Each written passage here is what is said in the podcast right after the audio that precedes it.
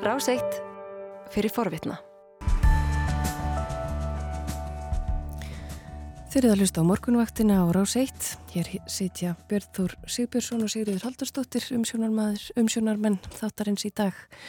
Hingað er komin Bói Ágústsson eins og vant er á 50 dögum og við ætlum að skeknast út um heimsklökan. Hvað er það helst í dag, Bói? Góðan daginn. Það er í rauninni núna nákvæmlega fjórum vikum eftir að innrás og rúsa í Úkræðinu uh, hófst voðalega lítið hægt að tala um heimsmál öðruvísi heldur en að uh, tala um Úkræðinu og uh, þá styrjöld sem að uh, þar ríkir núna. Þetta hún eiginlega lítar mest allt annað sem að er að gerast á degi Norðurlandana í gær í Norrænahúsinu þá flutti ég smá erindi um áhrif einrásarinnar og stöðu Norðurlanda eftir þessa einrás Eh, sem að eh, hefur gjör breyst. Þarna voru tvö hlutlaus ríki sem að hafðu verið mjög lengi hlutlaus, Finnland og Svíþjóð, þó að eins og Alexander Stubb, fyrirverandi fjármála, utanríkis og fórsættisráð þegar Finnlands sagði fyrir skömmu, rússar vita svo sem óskup vel í hvaða fótbolltafélagi við erum. Eh, það að finnar og svíjar þeir halla sér frekar að vestrænum þjóðum heldur en uh, að þeir sé að líta til fóristu austur yfir. Uh, en finnar og svíjar hafa verið hlutlausir frá lokum síðari heimstýraldrannar og þetta er innbyggt í kerfin þeirra. Nú er svo komið að meiri hluti finskra kjósenda í fyrsta skipti vill ganga í allarsvarsvandalæð, vill ganga í NATO og uh, eins og Stubb sagði áður fyrir þá vildu finnar ekki ganga í NATO af óta við að espa rúsa núna er það óttin við rúsa sem að gerir það verkum að þeir vilja ganga í, í NATO. Og því uh, sama gildir í uh, Svíþjóð. Þar er uh, ekki hreitt meiri hluti fyrir yngöngunni en það er miklu fleiri sem að vilja ganga inn heldur en eru á móti yngöngu og síðan eru sko talsvöldmarki sem að eru óákveðnir. En ef þú bara skiptir þessu upp á milli þeirra sem að þurkar út óákveðna þá er meiri hluti fyrir yngöngu í Svíþjóð Já, finnar þau þetta eiga 1400 metra löng 1400 Það eru 1340 kilometrar. Já, nákvæmlega, Já. kilometrar. Eh, landamærin á milli Finnlands og, og Rúslands og Normen eiga líka landamæri að Rúslandi? Já, þau landamæri er að vísa ekki næri eins laung og landamæri Finnlands og Rúslands en þetta eru svo laung landamæri þannig að fólk gerir sér einhverja hugalönd og þá er þetta eins og að kera til uh, eigilstað og tilbaka. Akkurat. Og uh, Eistralsaltsríkin eiga þetta í sérstöku vinnfengi líka við Norrlöndin?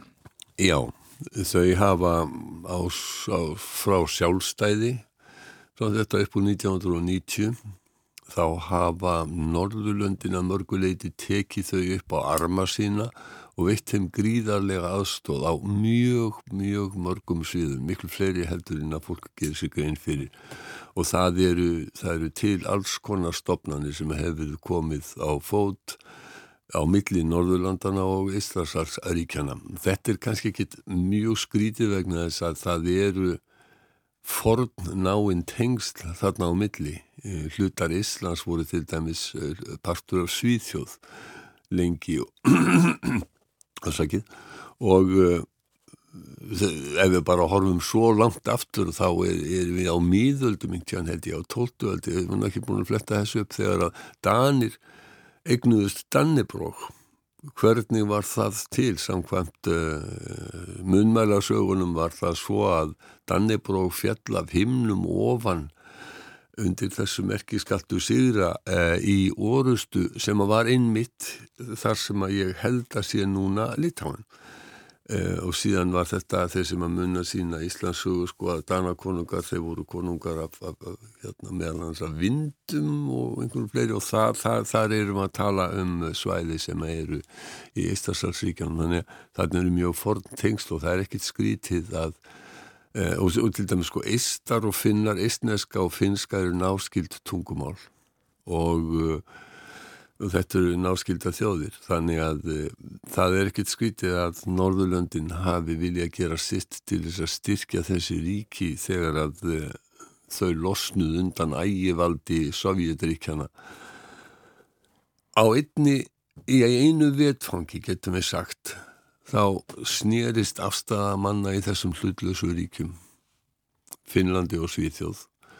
Og uh, þannig að þessi ríki núna vilja ganga í NATO. Sko það er ekki þarf fyrir að það er mjög náinn hernaðsamvinna með þessum ríkjum og NATO. Og Alexander Stubb sem við vittnum aðan hann sagði raunar að uh, finski herin væri svo aðlagaður stöðlum NATO og uh, uh, öllum, öllum vinnum áta að þeir væri í rauninni meira lagaðir að NATO-systeminni heldur en sögum NATO-ríkin. Og uh, finnarnir, svo má líka minnast þess sko að bæði finnar og svíjar þeir uh, flugherrir þessara ríkja hafa verið hér á Íslandi við æfingar í tengslu með loftrýmis eftir sko, við skulum bara orða þetta eins og þetta það má að verða að heita eitthvað svona á diplomatísku máli.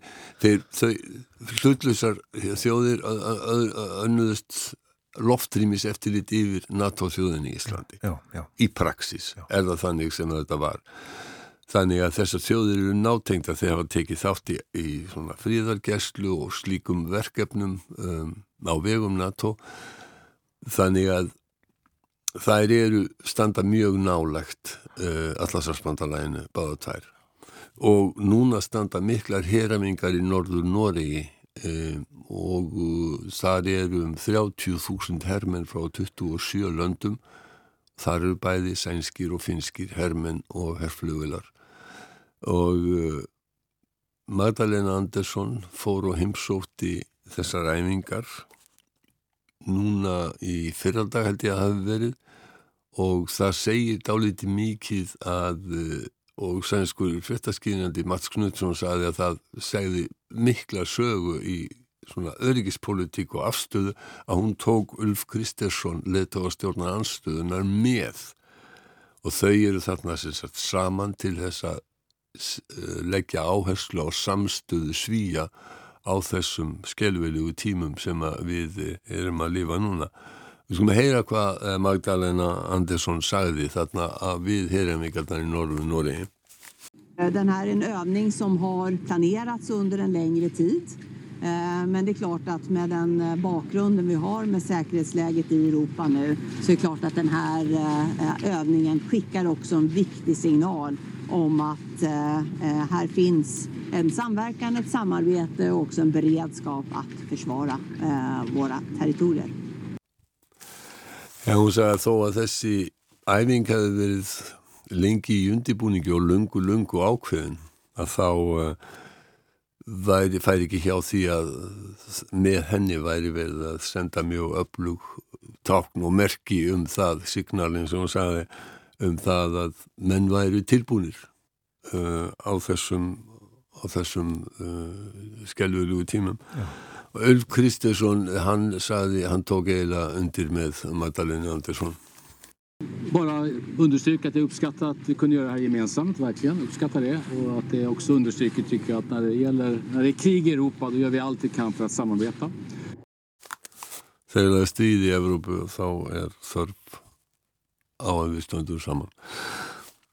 Andersson eh, e, tók náttúrulega við fósættisráþræðinbættinu í fyrra af Stefan Löfven og e, það eru kostningar í Svíþjóði haust og Ulf Kristersson sagði e, að við sækjum við þetta tækifæri, við annan tækifæri þá sagði hann að borgarflokkarnir í Svíþjóð væri svo harðir á því að e, vilja ganga í NATO að þeir ætluðu, ef hann er því fósættisráþræða eftir kostningarnar haust að þá ætlaði hann að e, senda umsókn til Bryssel og skipti engu hvort að uh, sósjaldemokraterna, uh, jafnamennir undir fórustu Andersson myndi styðja það eða ekki.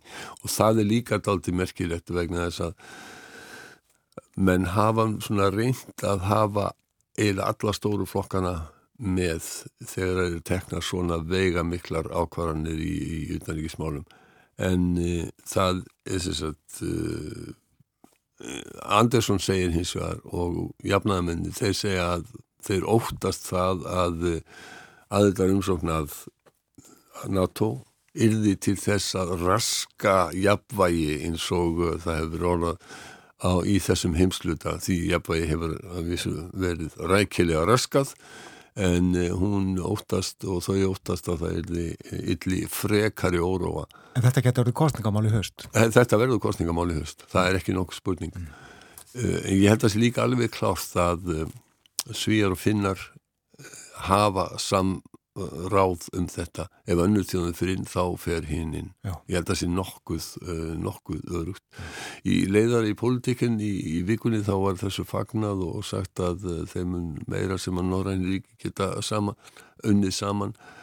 Uh, þeim um fleiri vettanga sem þið fyndu fyrir Norræna saminu þeim mun betra vegna þess að þessi ríki hefði mikið mikið fram að, að færa. Mm.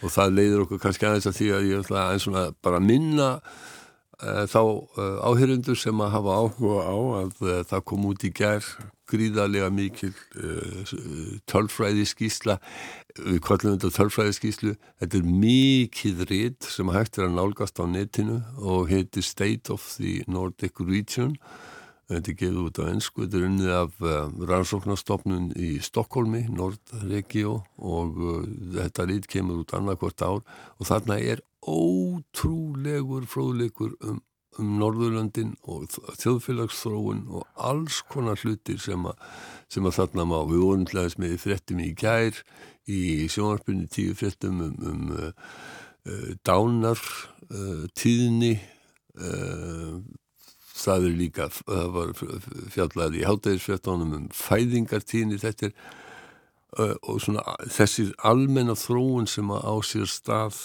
í þessum, í þessum löndum. Já, samanbörður á, á fastegnaverði hækkunum að því var líka til umfylgjunar í gerð Það er hafið eftir jáður, mm. þannig að það er það er, er alls konar hluti sem, að, sem að þarna eru. Það er mikið fundað í Brussel þessa dagana Já. og uh, þar verður mikil NATO-fundur núna. Það er mikil NATO-fundur, það er ESB-fundur og þar er leittóafundur NATO, þetta er eh, sagt, skindifundur sem eh, er vegna ástandsins í uh, eh, Ukrænum og það er raun að líka G7-fundur í Berlin, þannig að það er mikið uh, þingað í dag sem að ráðamenn eru, eru að þinga. Og núna akkurat mánuði eftir að rúsa gerði það sem engum dætt í hugaði nokkur helvita maður leti koma sér til hugar Já. að ráðast inn í sjálfstætt fullvalda nágranna ríki þetta er sko, það er ennþá ég, ég trúi þessu raunverulega ekki ennþá hversu vittlaus vittlausir ráðamenn geta verið það er sagt að uh, Vladimir Putin hafi og Economist er að skrifa um þetta núna gefið sér þrjár fossendur uh, og hafi talið nánast örugt að þetta er því stutt og snögt stríð. Hann er nú ekki sá fyrsti sem að leggur á staði í stríði í þeim miskilningi og fær síðan eitthvað allt annað í, í fangið. Þessar fórsendur hafi verið að uh, úkrænska stjórnin væri eins og spilaborg og fjalli 1, 2 og 3 við minsta andblæ í annan stað að eh, ekkert gæti staðist uh, nútíma vætum rúsneskum hér snúning og í þriðja lagi að uh, bandaríkinn gætu ekki, þau hefðu ekki sko lengur móralskan styrk til þess að veita vesturlöndum fórustu uh, og hefur efa lítið verið að hugsa til þess að bandaríkjaman fóru háðulega út úr Afganistan í fyrra það sem að e, talibanar eiginlega tóku Kabul höfuborgina og landið með óskaplega lítilli fyrir höfn. Þar hrundi stjórn eins og spilaborg en e, stjórn Úkrænu hún hefur bara elst Það er hérna frétt á rúf.is núna sem að segir einmitt að vegna þess að stríðið gengur ekki eins og Putin gerir áð fyrir. Þá hefur líkunar á valdaráni í Kreml aukist. Já, það var nú á tímum uh, Sovjetríkjana mikil fræðigrinn sem að, að tala um sem kremlológíu, það er að segja kremlarfræði og uh, menn voru að reyna að ráða í alls konar skvítinn tákn uh, þar um, og um, ég ég veit það ekki. Það Putin hefur alveg öruglega ekki styrt sér í sessi en það er ekkert sem bendir til annars heldur en að hann hafi fullt tök á öllu stjórnkerfinu hann hefur lamið nýður á mikill hörku alla anstöðu á undanförnum árum og jáfnvel og hluti sem að, það sem að maður sér ekki að, að skiptin einu stóru máli eins og þegar Alexei Navalny er dæmdur í eh, viðbótar fangelsi, hann er þegar fyrir í fangelsi eh, huslas eiginlega panik er þetta í, í Putin og, og hans stjórnvöldum að þurfa sko að, að læsa hann inn enn lengur heldur en að hann var fyrir og auðvitað er þetta allt saman uppblóknar sakir sem að hann upphaflir hann dæmdur fyrir það að hafi ekki gefið sig fram við lögreglu. Hvernig gæti hann gefið sig fram við lögreglu? Vegna þess að hann lág á sjúkrahósi hérna milli heims og helju eftir að stjórnvöld höfður reynda eitthvað fyrir honum. Uh, þetta er sko þessi stjórnarhættir eru með þýlíkum endemum að það, á ekki einasta orð og sjá framgöngu rúsa núna, þetta er bandaríska utanrikiðsánandi lísti yfir í gerðkvöld að þetta að rússar væri að fremja styrskleipi í Ukrænu og þegar þú horfir á drónamyndir af Mariupol sem eru svona eins og þískar borgir árið 1945 þetta er algjörlega, þetta er, þetta er borg sem hefur verið lögð í rúst og það er ljóst að þegar rússar eru með yfirlýsingar um það að þeir beini bara vopnum sínum gegn hernaðamannvirkjum, já þá hefur að Mariupól verið ansi mikið herrvætt greinilega því að það er búið að leggja borgina svona 80-90% í rúst auðvitað trúir ekki nokkuð með svona fjandagsbulli, þetta er bara þetta er bara, þetta er bara glæpsamlegt framferði rúsneska hersins og verður ekkit sagt neitt annað. Þetta er óskupsvipaðu þeir gerði í Gorosni í Tjetsinni og þeir gerðu líka í, í Sýrlandi. Þetta vilðist bara einfallega vera partur af hernar áætlunum uh, rúsneska hersins að haga sér svona. En að þeir skuli gera þetta við nánast eigin þjóð. Það segir dáliti mikið um stjórnarhættina sem að ríkja uh, í Kreml við skulum bara reynd vona þó að við eigum ekki að vera að taka afsnið, við skulum bara reynd vona eins og Sigurður Ingi að þeir e, líst yfir að, að, að rússatni losi sig við þennan skelvingar mann vegna þess að þetta er maður sér ekki til dæmis hvernig verður samin friður varanlegu friður þarna á meðan að Vladimir Putin fer með völdin í Rúslandi Nei Aftur til uh, Brussel, Stoltenberg bóðaði í gær uh, stóru aukin viðbúnað allarsbandalagsins í Östri.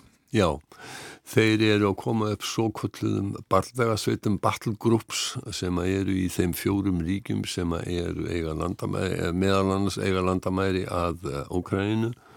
Það er Slovakia, það er Ungveriland, það er Bulgaria og, og Rúmenia ef að ég man uh, þetta rétt það er fyrir mjög öflugt herlið í Eistarsalsríkjum, ekki mjög öflugt, það er fyrir herlið, uh, vestrænt herlið í, í, uh, í Eistarsalsríkjunum og í Pólandi og það er vel að styrkja varnir NATO á þessum stöðum.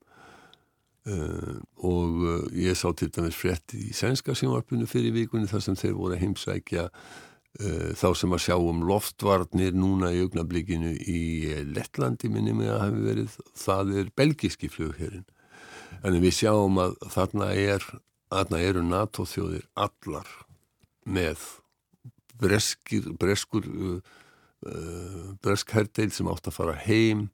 Hún varði eftir lengur og það kom önnur breskherdeil þarna til þess að, til þess að styrkja það leysin þarna er það er mikill og einarður vilji á Vesturlöndum að eh, segja við Kreml og Vladimir Putin hingað og ekki lengra. Já.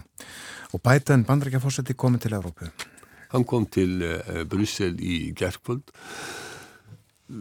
Aftur af því sem að þú varst að segja Sigriði með möguleikan á því að valdaráni, við skulum minnast þess að ein af höfuð orsökum þess að Sovjetrikinn hrundu var stríðið í Afganistan. Þar töpuðu þeir 13.000 hermenum á áratug.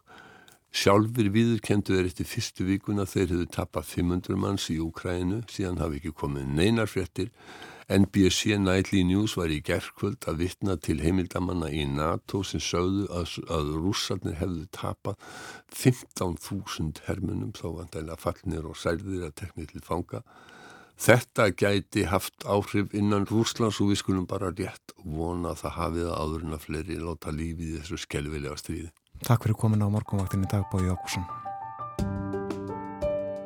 varst að hlusta á hlaðvarpsþátt frá Rás 1. Ef þið langar til að heyra meira, farðu þá á rúf.is skástrygg hlaðvarp eða spilaran á rúf.is skástrygg útvarp. Rás 1 fyrir forvitna.